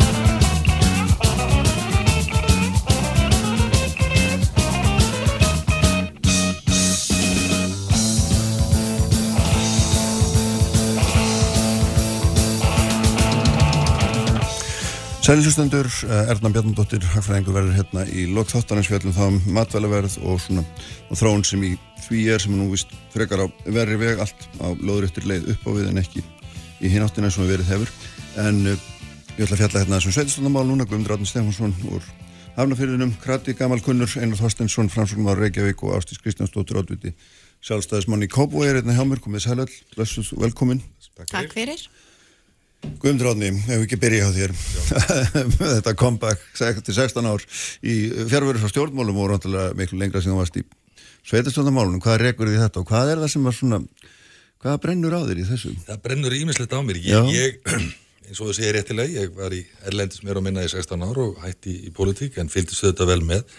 En pólitík er þetta ástriða og, og, og við erum öll meira á minni í pólitík. Sumir aðrir auðvitað viðtakendur en um, ég er svona brenn fyrir því að, að í mínum heimabæi að, að hjálpa til, gera það með auðmygt en þekkir svona dálítið til, þekkir fólkið mitt og, og bæjarbú og, og, og ég sé að það er að gera miklu, miklu betur. Hvað er það sem mun breytast ef að þú verður? Það mun ímislega breytast, bara það að, að, að nálgun mála verið markvissari og, og ég er náttúrulega gamall stjórnand í bænum og veit hvað, hvað þarf að gera og, og hvernig á að gera það líka við mót við, við fólk og, og ég, ég treyka það yfinlega alltaf og gera það ekki síðan núna að, við kjörnin fulltrúar og embærismenn bæjarins við erum í þjónustuðu fólk og ég vil nálgast öll viðfangsefni með þeim hætti Margt hefur ágætlega verið gert í Hafnarfriði ég held við eins og ég Blómlegur kallaði hann- bær, í risa Já, vexti og mjög. Neða, mm. risa vexti, skuldir hækka en íbúum fækkar. Mm. Fyrst skipti í, í 80 ár sem fækkaði íbúum í Hafnarfirði hitti fyrra, örfáur sem bættust í á síðast ári, sem endur speiklar auðvitað ákveðir stjórnleysi eða að, það er ekki nægilega markvið staða að málum. Ég vil hafa jafn og stöðu uppbyggingu og einni hitt. Þessum íbúamálu sem er auðvitað stóra mál þessara kostninga, ekki bara í Hafnarfirði heldur á landsvísu þar sem að ríkið vísar á sveitarfjölu og sveitarfjölu og ríkið og, og svo framvegis en, en, en fólkið í bænum, unga fólkið eldri og ekki síst þeir sem að þurfa aðstóða að halda félagslegu, eru félagslegu meruleikum. Ég vil sjá miklu fjölbreytari uppbyggingu hvað varðar óhagnaðadrifna aðila sem að koma þeirri uppbyggingu. Nú er þetta allt og mikið þannig og þar skiptist aldrei í tvö hotvarðandi klassiska jafnaðarstefnu og hægri stefnu og, og framsóknu hefur verið þetta aldrei með að, að hafa þessi fjölbreytni til staðar þannig að, að ungt fólk, meðaltekju fólk, mm -hmm. þeir sem eiga höllum fæti að, að er standa höllum fæti, eiga eitthvað möguleika á að mm. komast inn á þennan markað. Sá möguleiki hefur ekki verið til staðar því að verðu þetta er í, í, í, í himnahæðum og meðal annars helgast það því að við erum að selja og mörg sveitafjölu hafa lendið því að selja þessar lóðir allt og dýrar og það, það er engin annar sem borgar þessar lóðir en að fólki sem flytur inn Já, einmitt einar hérna Fransaflokkurinn, hvað stendur hann í húsnæðismálun núna? Já, ég held að minna við Ekki byrja á að segja ég er nýr. Já, ég er nú nýr í þessu. Já, akkurat. Nú er hérna nýliði og gammal hundur og hundur átti Já, það er gaman að sjá hérna, hann koma aftur. Og, og líka gaman bara að sjá nýtt fólk inn á sveitastöðnar mm. stíðinu Ég hérna, ástýsir nýj í þessu og, og átti feril í í, hjá SA og hérna, mér finnst mjög gaman að, að, og mikilvægt að, að það sé uh, öflugt fólk sem gefur kost á sér í uh, sveitastöndumálina því að uh, þetta er bara það stjórnsýslu stig sem er næst íbúanum og greiðlega mikilvægt. Við í framsókn höfum náttúrulega talað fyrir því að það þurfa að ráðast í stórstíg og uppbyggingu í húsnæðismálunum hér í Reykjavík. Eh, hér hefur verið reygin eh, ákveðin stefna, þéttingarstefna sem er skinsanlega mörguleiti og ég hef hrósað meirulhutanum fyrir það að, að byggja meira á síðasta kjörtímanbili heldur en áður. En uh, við sjáum það bara á, á uh, þeim sem stofnunum sem að greina húsnæðismarkaðin að, að uh, það þarf talsvægt meira og áforminn sem að meirulhutinu er kynnt núna þau dög ekki til Þannig að við viljum gera meira en þeir, þau eru að tala um þarna 2500 íbúðir og, og við telum að það þurfi 3000, húsnæðis og mannverkjastofnun talar um 4000 mm -hmm. uh, á höfuborgarsvæðinu og, og, og það er eðlilegt að, að höfuborgin axli þá ábyrða að byggja eða uh, út búa lóðir þannig að það sé hægt að byggja hérna lámarki 3000 á, á ári næsta kjörtímabil. Sælabankin tala líka um það að ástæði verðbólkunar sé eh, skortur á, á, á lóðum þar að mhm. segja að því að byggingarlandið er mest í, í, í bóði hér í Reykjavík Hafnarfjörður er nú komið langt með sitt byggingarland og Kópavóður er, er með nokkru... Rundar, svo því sé náttúrulega haga haldið það ekki eina ástæða verðbólgunar, Sælabankin segir það nú ekki. Nei, nei, nei, nei það, hann segir hins vegar að helmingur verðbólgunar megi skýrast á hækkun húsnæðisvers og til þess að breyðast við því er, er, er ágætt að nota bara gömlu lögmálinn um frambóða eftirspurn mm -hmm. og höfuborgin verður bara axta þá ábyrg að vera höfuborg mm -hmm. og uh, þetta skiptir gríða lögmáli. Mm -hmm. uh, við náttúrulega höfum líka að tala fyrir því að við viljum bara efla grunnþjónustuna og hvað er grunnþjónusta þá? Þetta er svona stórt orð. Ég meina, uh, viðhald skólabygginga hefur verið í, í algjörum lámasessi undanfærin ár og nú er komið í algjörst óefni og ég veit ekki hvernig það eiginlega gætt gerst að, að, að ástand skólahúsarna sé þannig að það sé verið að keira börnin, ja, annarkverði einhvern veginn skóli og, og leikskóli er miklaður Og, og það þarf ekki að segja það er eitt skóli miklaður, já, Nei, veit, já. það eru er nokkri skólar miklaður og, og hérna og það, það er verið að keira bönnur einu skóla, er það ekki? Jú, jú, jú, jú. Það, og það er gríðarlega reyði og það eru vond samskipti sínist manni og maður, maður heyrir bara mikla reyði mm. einhvern veginn í, í e, borginni, já. í íbúogrúpunum sem maður fylgist með umræðinni, það er ósalegi svona óþrega gagvart þessum meiruluta og ég, mér finnst það leiðilegt vegna þess að það er ekkert allt sem þessi meiruluti hefur gert sem er slæmt. Það vantar daldið Ég talaði um það í ykkur viðtal hér að ég vildi að, að, að eh, fólk því stolt að því að búi í Reykjavík og ánægt með það, gablararnir hérna á Guðmundurarni og, og þeir segja við erum gablarar og erum ánægt með það. Og Kópavós búið að segja það er gott að búi í Kópavogi Við erum reynda að byrja að segja að það er best að búi í Kópavogi. Já, já, stila slá Við skulum fara að leipa ást í það En þá er þetta einhvern veginn tætt í sig og það, hérna, gera ágreiningum þetta. Átaka stjórnmálinn í borgarstjórn hafa leitt til þess að, að tröstið er, er, er 21% það er, það er fleiri treysta bankakerfinu heldur um borgarstjórn og ég held að stjórnmálamenninni beri ábyrð þar og, og við hérna í framsóng held ég að, að við höfum ekki átt borgarfylgdur undan, undan farin fjögur ár og við komum inn í þetta með nýjan tón og viljum vinna með fólki. Já, einmitt, ástís. Þannig að, sko, í kjálfara þessu, við veist mér áhugavert þetta bara þegar eina byrja, þegar til að bara baður um húsnæðismál, að þetta er náttúrulega grunn eitt atvinnusvæði. Þetta er eitt búsettusvæði og það er þetta að leysa svo húsnæðis þörf á svo margan hátt. En er það ekki bara svona verðugt verkefni fyrir ykkur sem er í sveitastóðum að vinna þetta miklu, miklu betur saman heldur en gert hefur verið? Jú, að sjálfsögða er það, en auðvitað eins og einar komur réttilega, bendir réttilega á að þá e- er staðan allt önnur í Kópavogi. Við eigum ekki eins mikið á lóðum, Nei, nei. eins og til dæmis Nei, stærsta sveitafélag landsins. En við erum að fara í uppbyggingu, það er uppbygging framundan, það er verið að fara að byggja nýtt hverfi í efri byggðum og svo eru þjættingaverkefni framundan. Og við höfum bara... þéttingaverkefni hjá ykkur í miðbænum aldeilis. Já, já, já, já, eðlilega, þjættingaverkefni eru alltaf erfið. En þess þá heldur er svo, er svo mikilvægt að við tryggjum samstuð og sátt meðal íbúa, eins mikið og hægt er. Og, og fyrir það stöndu við. Við ætlum að tryggja þessa samstuð og þessa sátt og, og hlusta á sjónamið ólíkra aðila. En eins og Guðmundur og, og Einar hafa líka komið inn á þá auðvitað sveita stjórnamál snert okkur öll í næ, næstum því má segja daglega vegna þess að þetta eru málefni sem skipta fólkið í landinu svakalega miklu máli. Fólk vill vita hvenar götunar eru ruttar, fólk vill að rusli sér teki, fólk vill að skólar séu í lægi, að þeir séu ekki mikla, þeir að leikskólar séu í lægi, að skattar og álögur séu þeim sé stilt í hóf og svo framvegs. Og um það snúast auðvitað kostninganar 14. mæ, það snúast um það hverjir það eru sem bæjarbúa treysta til að stýra sínu sveitafélagi hverjir það eru og hvaða flokkar og hvaða fólk þau treysta til að sjá, standa vörð um traustun ábyrgarekstur, standa vörð um þjónustu bæjarins, standa vörð um hagsmunni barnan okkar, eldri, borg, eldri bæjarbúa og sem á íþróttir og líðhulsumál og svo framvegis og svo framvegis.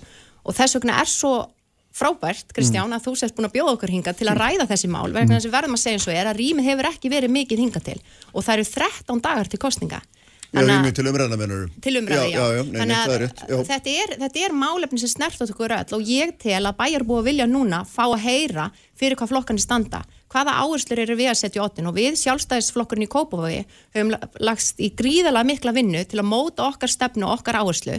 Við erum flest ný sem er að bjóða okkur fram núna og ég er ný rótviti eins og einar, ný í pólitík og, og Guðmundur auðvitað að koma aftur og við ætlum að koma fram með nýjar og ferskar hugmyndir og við erum óhrætt við að ræða okkar áherslur, okkar málefni og við höfum sett til dæmis saman 100 lofórð, 100 lofórð 100 verkefni sem við ætlum að framfylgja, framfylgja á kjörtímabilinu.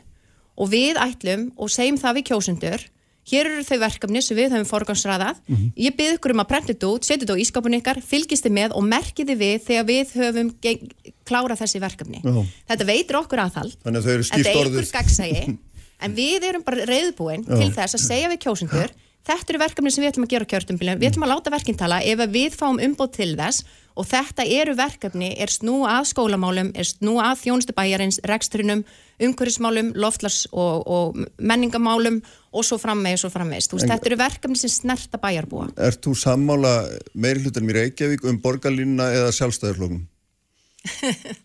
Já, Ég hef alltaf, því, þetta er ekki sama það sem að, skoðunin. eða sjálfstæðisflokknum, Já, það sem að meina, við höfum sagt, já. va- varðandi borgarlínuna Mm. og við heyrum það í okkar sveitafélagi, að það er tilfinning manna að það sé eins og meiri hlutin í borginni sé að stýra ferðinni.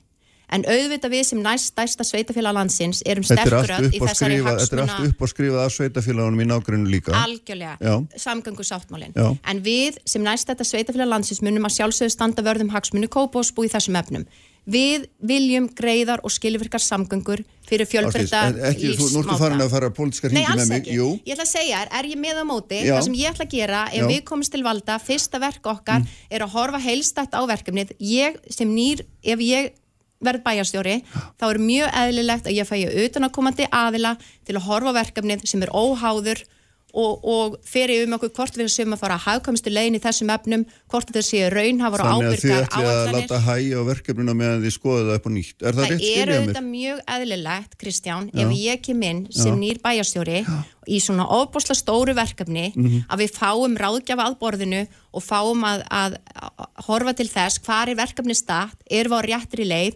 eða eigum við ef tilvill að fara aðra leið í þessum efnum vegna þess að þú það opinn fyrir því að skipta þessu, bara, skipta þessu út hvað? alls ekki. Við erum á fyrsta hönnunasti af þremur Mhm. og það eru alveg ýmsir þættir sem við getum ennþá breytt eða endurskoðað. Þetta er ekki þannig að það sé bara búið ákveða nákvæmlega hvernig borgarlínan á að vera. Þetta er langtíma verkefni, þetta er langtíma fjárfesting Mhm. og þetta er fjárfesting sem hleypur á hundruð miljardar að sjálfsögðu. Mhm. Þurfum við að tryggja það að við séum að fara raunhafa leiðir í þessum efnum. Borgarlínan er náttúrulega orðin veruleiki og við hefum auðvitað að flýta henni svo kostur er. Þetta er auðvitað auka afræðin fyrir strætó og, og styrkinga almennarsamgangna. Þetta kostar þetta verulegan pening.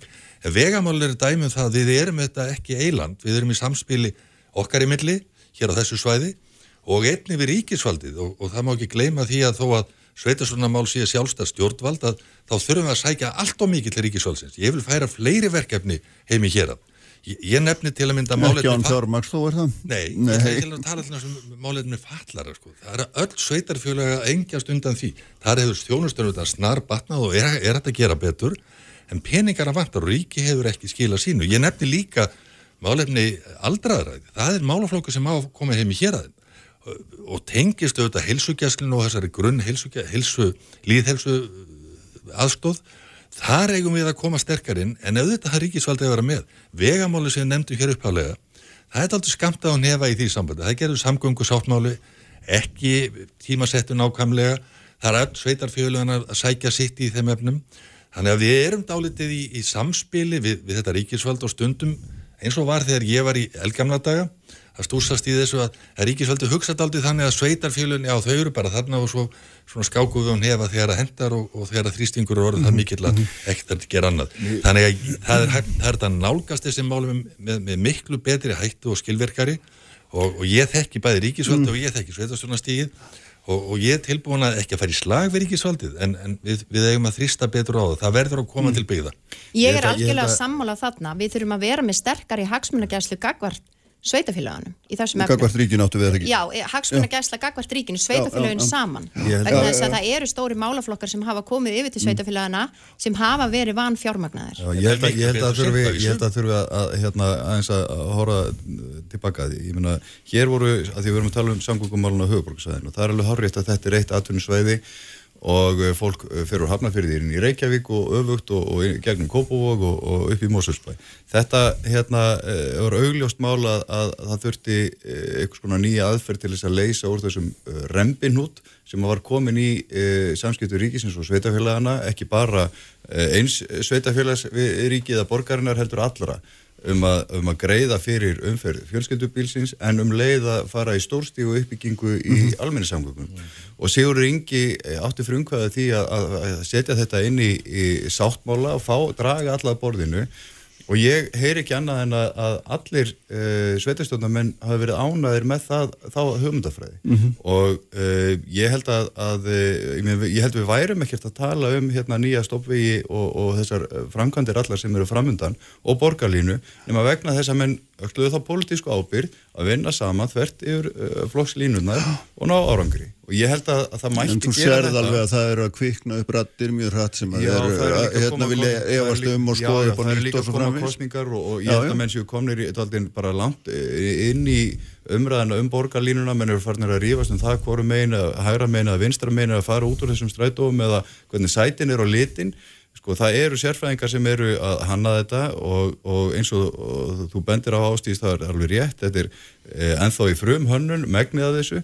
Það eru margar stillisgrúur sem að þarf að halda eftir aldrei þétt Grunnleiðirnar í gegnum sveitafélagin eru samt Já, klárar sko. já, já, já, já, en það eru ýmislegt í útfærslunni sem að mm. þarf að halda vel utanum, bæði það að hvernig þetta fer með annari umferð, en líka hvernig uh, hérna kostnaðurinn uh, verður og þannig að ég, ég bara eh, treysti því að, að menn séu á öllu hjarta fylgjandi því að halda þetta samkómulag og ég held að við ættum að nota tækifærið af því að þetta gekk ágætlega að uh, hugsa önnur málefni sveitarfélagana uh, í, uh, sem að uh, þú talar um gráu svæðingum að, að, að meina málefni barna til dæmis frá einsás upp í, upp í, upp í grunnskólan uh, hérna, það er málaflokkur sem við þurfum að nálgast með miklu heilstæðari hætti heldur en bara að velta fyrir okkur hvenar komum við barninu út á heimilinu og inn á leikskóla. Ég meina það þarf fjölbreytta lausnir þar. Eh, Við sjáum það að við erum með lengsta skólata, leikskólabarna innan OECD. Við erum líka með eh, flest börn eh, per fermeter innan OECD. Við þurfum að, að, að við erum að tala um það að við erum að fjárfist í börnmálum þannig að þau, eh, þeim líði vel þannig að þau fái öll að þá snemtæku í hlutum sem að hérna, uh, þau þurfa uh, að aðstæðu leikskólakennara séu uh, bóðlegar og launin og, og við þurfum að, að atvinnulífi þarf að koma inn í þetta og verkalýsreifingin. Þetta er bara risa stort mál um það hvernig við ætlum að búa, hvernig framtíð uh, við ætlum að búa börnum. Og þetta gerist ekki bara innan hvers og eins sveitafélags, við erum að horfa á þetta daldið úr 30 fetunum í samhengi við uh, ríkið og, og, og spyrja okkur, erum við á því réttri leið? Auðvitað þurfa, þurfa börn að komast á leikskóla og það þarf að eyða bygglistónum en, en mér langar að, að, að við að gerum einhvers konar, ef að segja barnasáttmála eða, eða sáttmála um börnin og, og í, á síðasta kjörtímanfili fóru farsaldalögin í, í gegn og, og, og ásmundur einar eh, barðist fyrir því og framsók og kjósendur völdu í síðustu gest í framsóknarflokkinu? Mér langar að spyrja því þú, þú kemur honum að í hverri ræðu sem sé að vera honum Það er eins 20 og það ár. verið framsóknamaður allt þitt líf. og ég segi hver var það sem sagði framsóknarmönn hvar í flokki sem þið standu látið þið ykkur heyra. Svaraði því, hvenær gest í framsóknarflokkinu? ég gekk í framsóknarflokki núna eftir áramóti En ég verð samt að taka undir það sem einar er að segja varandi samgöngumálin að það er, það,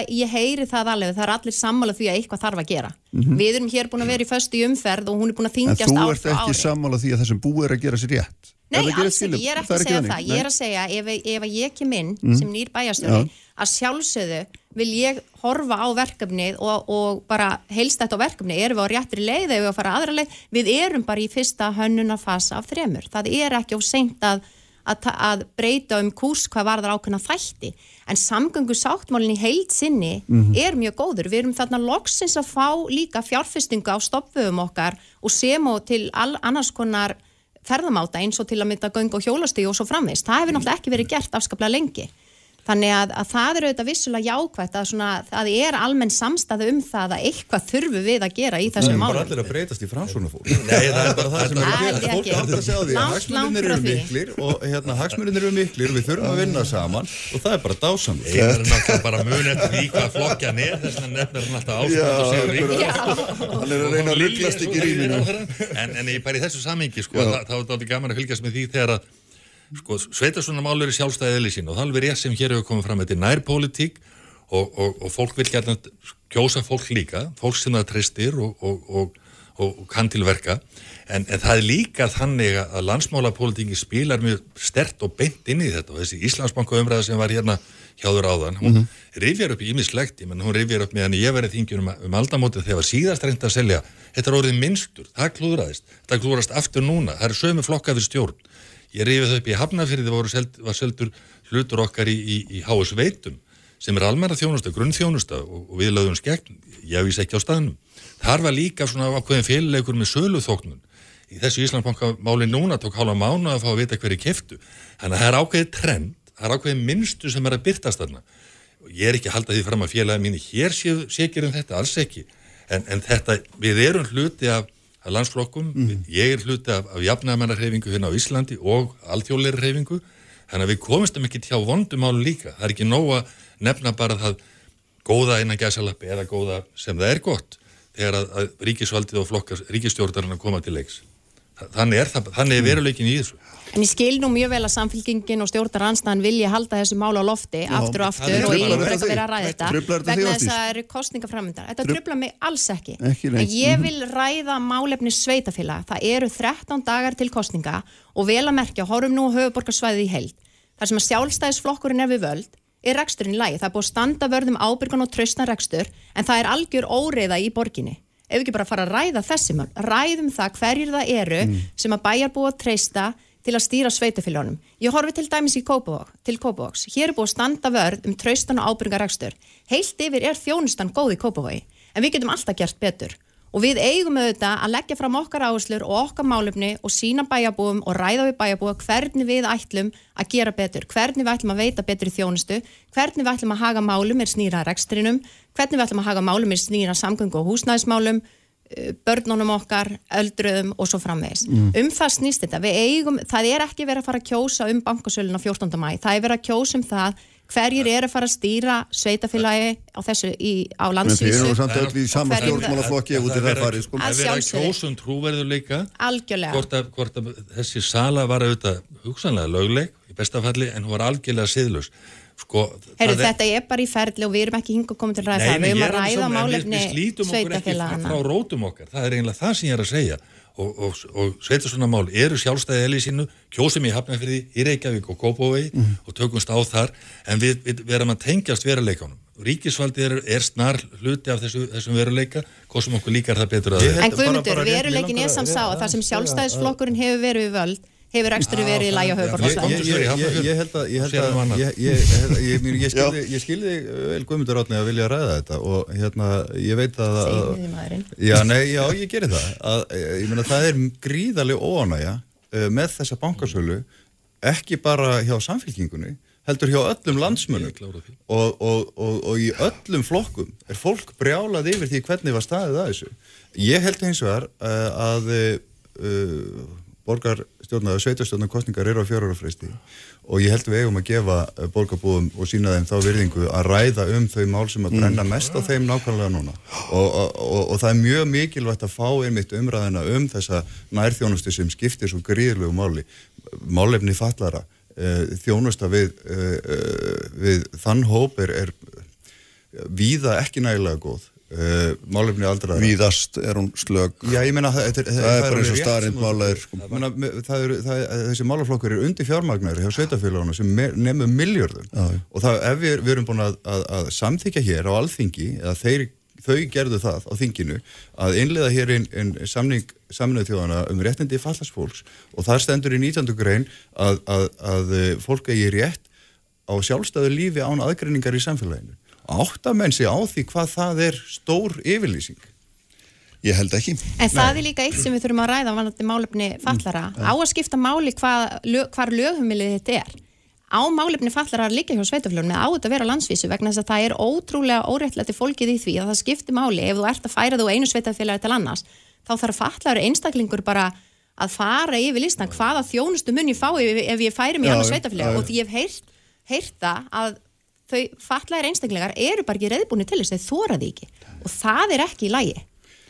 Nei, það er alveg hárið og fólk flýtur á milli sveitafélag allars að sækja sér betri þjónustu, það er líka dæmið það sem er Jú, jú, það er svo sem ekkit að því yfir leitt en, en þegar allur málaflokkurinn er undir fjármagnar þá, þá er þetta alvarlegur hlutur. En, en, en þessi, þetta stóra umhverfi ég ætla ekki að tala meira um Íslandsbanka þau vilja það ekki. En, en, en ég ætla bara að nefna það að til að mynda þessi þessi staði efnaðasmálum, þessi óstöðuleiki sem við horfum núna framann í, hann mun hafa veruleg áhrif á, á rekstur sveitafélag á komandi kjörtíðanbili, verðborg upp á 7% á leiðinu upp Já, við veitum nú hvers vegna hún Við er. vitum Þetta hvaðan það kemur og það Við, kemur það er ekki saman Erðu, Það er ekki vegna já, já, en- óstjórnar Ekki- jafnarsmál. Málið er það að, að, það er bara er að segja margt- það, það ég er er bara að segja margt þetta sem er að veruleiki sem við erum að Vitið, við. verðbólgan, hún er að kenna. Hún er, það er bara þannig að það er að loka kenna henni hún, er nú líka að utan komin og það er stíð í heiminum og, og það er margt sem að veldur því að, að hérna, en ég, ég En held það að þarf líka að byggja fleiri, fleiri íbúðir, við vitum það. Engum að sérlega í höfuborgarsvæðinu. Ég vil að segja aðminn eftir efningunni. Takk fyrir að koma, þetta var gaman að fá ykkur, gangi ykkur allt í hæginn. Takk fyrir. Uh, hún verður hérna hjá mér hún Erna Bjarnadóttir eftir augnumlik. Sprengisandur á bylgjunni Hér alla daga. Bylgja. Kraftmikil umræða, alla sunnudasmórna. Sprengisandur á bylgjunni. Sæli aftur hlustundur, þau eru farið frá mér Guðmundur Átni Stefánsson, Einar Þorstinsson og uh, Ástís Kristjánsdóttir eftir líflegar umræður um sveitastjórnamál hér á höfuborgarsvæðinu engum og sér í lagi en svo sem margt annað. Uh, í símanum hjá mér er Erna Bjarnadóttir, hagfræðingur og hérna var að þingmaður miðflokksins, Særa Blessu Erna. Já, komdu sæl Kristján. Takk fyrir að vera með mér í dag. Heyrðu, það er nú hérna, mér langar að tala við um matvælaverð. Ég veit að þú hefur verið að skoða það tölvöld mikið og hérna við hefum aðeins verið að svona að stinga saman nefjum um það og það sem maður svona, maður reynir að ramma þetta inn í einhverjum skilningi að þá hérna þá getur maður sagt sem svo að sko bara mannfjöld og þróun hún bendir til þess að að þurfi svona 30-70% þetta nú vísut aldrei breytt bil hérna aukning og mataraframlislu á næstu árum og það ofan í hérna lofslagsmál og, og hérna eh, svona umhverfis venda því að svæði til landbúrnaður er náttúrulega ekki óþrjótandi og, og, og, hérna þannig að þetta er svona og við erum að sjá stig vaksandi eða stig hækkandi matvælaverðum allan heim. Ábyrður er að hækka mjög mikið og, og svona ég veit að þú hefur verið að skoða þetta og svona hefur verið að renna stóðmyndi þá kenningu að þetta sé ekki þróun sem er með svona mun eh, fara upp og niður heldur þvert að móti verða viðvarandi. Já, uh, þessi þróun sem þú ert að fjalla hérna um, eh, sko það sem við erum kannski að horfa framann í núna er fyrst og fremst annars vegar afleðingar af áhrifum COVID á framleiðslu keðjur, brotnar framleiðslu keðjur, tafir á aðfendingu og einsum aðfengum til matvara framleiðslu og svo framleiðs, síðan bætist styrjöldin í Úkrænu við, það var eitthvað byrjuð svona ákveðin orkukreppa áður og örsneisverð að fara hækkandi og, og ábröðverð. Þannig að nú erum við að horfa fram á fram, skort á frambóði og, og miklar hækkanir á verði bæði út af því að það er skortur á frambóði út af viðskiptabann á Rúsland og stríðin í Úkrænu og líka mjög hægt hækkandi aðfangaverð. Þannig að þetta er greiðarlega áskora fyrir framleiðendur.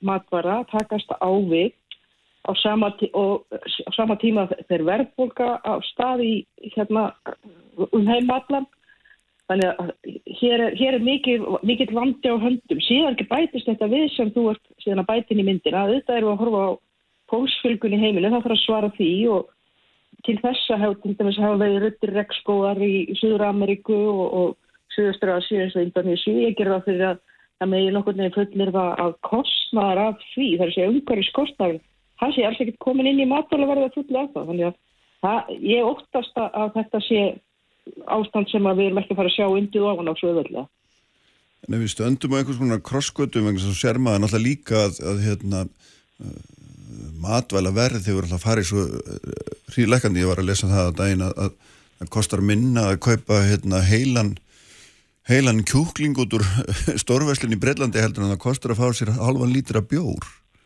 sem Já, er eitthvað, það, það er eitthvað mjög undarlegt við þessa þessa keðju, það er framlýslu og smásalan og flutningurinn og allt saman er farin að rúmast inn í inn í einu hálfu pundi eða eitthvað nála því Algjörlega og það, það er það sem ég segi ég, held að þessi ímest kostnar í framlýslu keðinu sem hefur verið kannski vest yfir á, á framtíðina afkomandur okkar í umhverjuskostnaði og slíku og eins náttúrulega er í þessum vestralöndum greiðalög innbyggingur á vinnuafli frá löndum þar sem að, að laun og, og afkoma er lækari heldur en hér á landi og, ekki í okkar heimsluta á einu fyrstuðanstið þannig að það er kannski hægt til skamstíma að, halda aftur á kostnarhækkum með slíku löglegu og ólöglegu, líka fullar að nettu það til dæmis.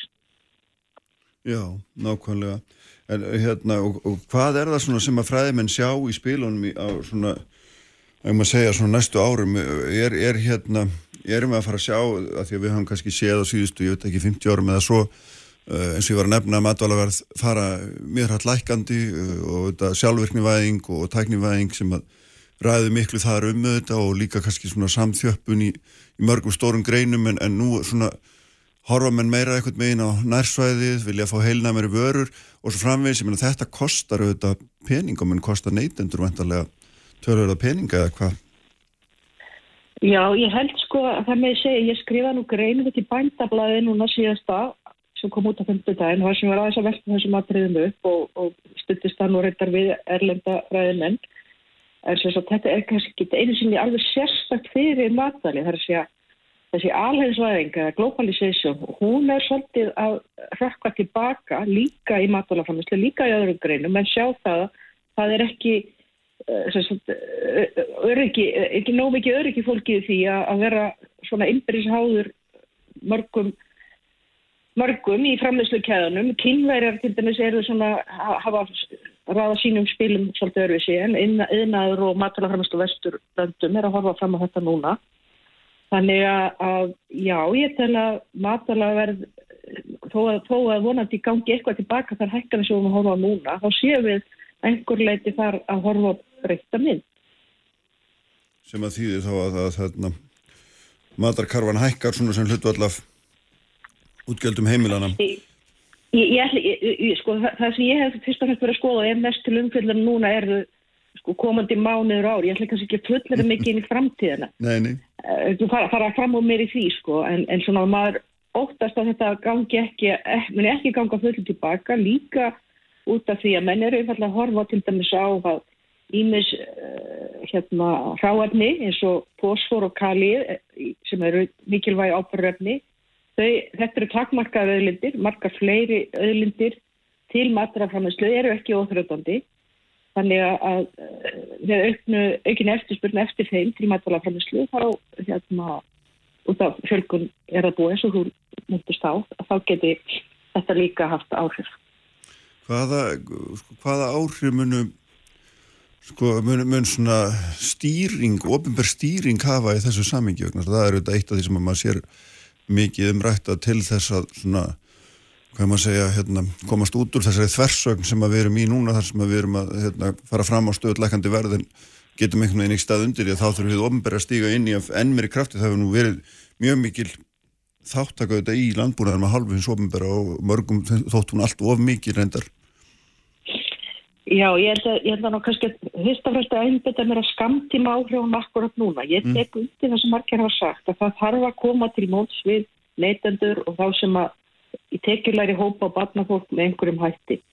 Því að þetta leggst gríðarlega að þungt á heimilin hækkun matavers, hvaða sem maturinn kemur.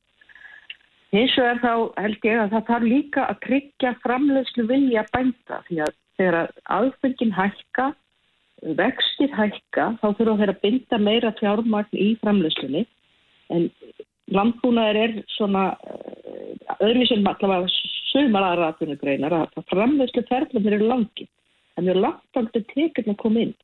En það þarf að tryggja framleyslu viljan þannig að maturinn einfallega skýri sér í hittur í búðun og við hort til dæmis, ég hefur lesið til dæmis frettir erlendis þar sem ekki að framleiðendur í Breitlandi 70% þeim segjast hætta fyrir áslokk ef að það verður ekki einhver breyting af því á verði til þeirra út af þessum aðfangahækkun og stóru veslanakæðirnar í Berðlandi sem eru með spásuluverslunna það er að hinga til neita að hækka verð til framlegandana og þá náttúrulega fara þeir bara að tapa og þeir skuldsetja sig ekki endalöst til þess að koma vörum í hillur verslana á læra verði heldur um kostan á að framlega það. Nei, nei, en þá ertu síðan með á hinnum, hinnum endanum að þessari keði er náttúrulega, þessari línu er náttúrulega neytandin sem að lætur ekki, eins og við vitum, ekki bjóða sér það að verði hækki og sérstaklega náttúrulega ekki ef þú horfir þá á látíkjufólki. Nei, það er ekkert það sem ég segja að það þarf að leita leiða til þess að tryggja grunnframlegandunum matvalana að þeir fáið sinn kostnað upp í borin út af þessu byli sem er á milli þess að þeir fjárstasta í framlýslu og til verði fæst greitt fyrir þess að teikirna kom inn. Við getum ímyndað okkur tökur sem dæmi bónda sem ætlar að framlega repjóli á Íslandi. Uh, hann vissi, sá ekki fyrir í haust hvers konar hækka niður það verði á henni. Nú er verðið orðið talið samkjæfnisvægt þannig að það sé hægt að hefja framlýslu en til þess að geta tekið þátt í því, því að fara að koma með vöru á markaði höst og þurfti eiginlega að planta fræðið sko í fyrirsumar. Mm -hmm. Þetta eru svo hérna langir ferðlar. Framhersluferðlar. Já, já, akkurat. Þú, þú varst að nefna að þú hefði skrifað grein í bændablaðu og hún, hún er nú einmitt hérna undir fyrirsögni er veistlu höldum að ljúka. Hvað er nákvæmlega svona, hvað fælst í því? Já, þetta er nú reynda stó, stólið frá hérna, norskum kollega mínum en það, það, það er ágætt samt sem að er, er tímum lágs matvælaverðs að ljúka. Það, ég seti þetta fram sem spurningu sjálfsög, þetta er ekki fullering en, en við, það, ég tel að, að stjórnmálamenn og, og við sem samfélag og, og þetta, við hefum hort á þessu umræði meðal forvísmanna í heiminum, bandarækjafósipi hefur meðal annars ávarpa þetta málöfni að við þurfum að hugsa strategist að það dögir ekki að mark, markaðurinn verður ekki einn færum að leysa þetta. Það er þessi alvöru. Þannig að, að því ofnverða þarf að hlutast til um það í, í ríkari mæli. Já, ég tel að því ofnverða þurfa að greina allavega stöðuna og, og skilja hvaða ferðlar er í gangi og hvar mögulega rótverða í þeim og þá bregðast við þar sem að talin er hægt á að, að hérna til dæmis að dræjur framlegslu eða hún stöðvist í einhverjum einstakar greinum. En eru við að tala þá, er, er það myndið það vera svona þín niðurstað þessu að, að, að svona þessi alþjóðavæðing sem er verið hún einhvern veginn svona tæki skref tilbaka og mann fær að horfa meira á hver fær að horfa meira heim til sín eða, eða svona að segja? Já, ég tek undir þess að virkla hann í grein sem að Kristján Ambons Medsög sem að er fórstöðum aður rannsóknarstofnunar í, landbúisindum í Nóri og var hérna ráðanýttistjóri tímabundi settur núna fyrir þessu ári í, í norska umhverfisrandinu að þetta er hans miðst og ég, ég deili þessari skoðun, já. Og sem þýðir þá hvað er raun og veru til dæmis á hér á landi? Ég, ég tel að við munum horfa meira til þess hvaða maturu við getum framleitt hér innanlands og ger, stíga meira inn í að stöðla því að svo verði. Til dæmis eins og jarrækt það dugir ekki bara að flytja skrifa grein eða flytja ræði um það þessi bændur séu kvarti til þess að framleiða þessar hina afurðina. Það verður því verður að fylgja einhverjar tekjutryggingar eða, eða stöðningur við þá til þess að hérna eh, sagt, þeir gerist ekki strax upp ef, að, ef að það verða uppskjörum bröstur eða verðin verða læri en spáð er og svo framist. Það, það verður að grípa inn í þetta með einhver sníkum hætti til þess að það sem menn ákveða að fara inn í það. Já, en það er svona, svo við sumurum þetta eða, eða, eða draugum þetta saman í lokinarna þá hérna, er svona blikur á loftu sem við getum satt að kannski stefni flestar í, í þá átt að við séum að horfa til þess að, að svona, það verði einhver breyting á þessum, þessari þróun sem verið hefur undarfarn áratugum með að, að, að matvæla væri lækki bara stöðust á frá einum tíma til annars. Já, ég tel það og ég tel þess að það, sé rétt að tala um það og þetta, þetta sé að hafa áhrif á fæðu öryggi, bæði hér á landi sem annars þar. Því verðin er að hækka og, og aðgengi að matvælum, líka verðið á þeim, er hluti af okkar skilgræningum á fæðu öryggi. Þannig að við þurfum að, að greina stöðuna og, og skoða hvar og hvernig ber að stíga inn til þess að verja annars vegar hagsmunni neytenda og sérstaklega láta ekki hópa og þess að vera tryggja frambóðið. Já, hérna við verðum að við verðum að setja punkt á eftir þessu en þetta verður áhugavert að sjá hvernig þetta að því þarna erum við stödd í eins og stundum er sagt í þversögninni miðri Já, við erum svona í, í, í svona kurvilvindi. Já, nákvæmlega Erðu takk fyrir að vera með okkur í dag hérna Já, takk fyrir að bjóða mér. Já, hún lítið, takk, takk, bless. Og við verðum að láta sprengisandunum lokið. Í dag uh, Ívar Davíð Haldursson stýrði auðvitað útsendingun eins og hann gerir alltaf, við erum uh, allt efnið er hægt að finna á bilgjum.is og vísi.is hvar veitna það sem við finnir hlaðvarp. Svo ætlum við að vera með ykkur hérna aftur eftir viku, verið sæl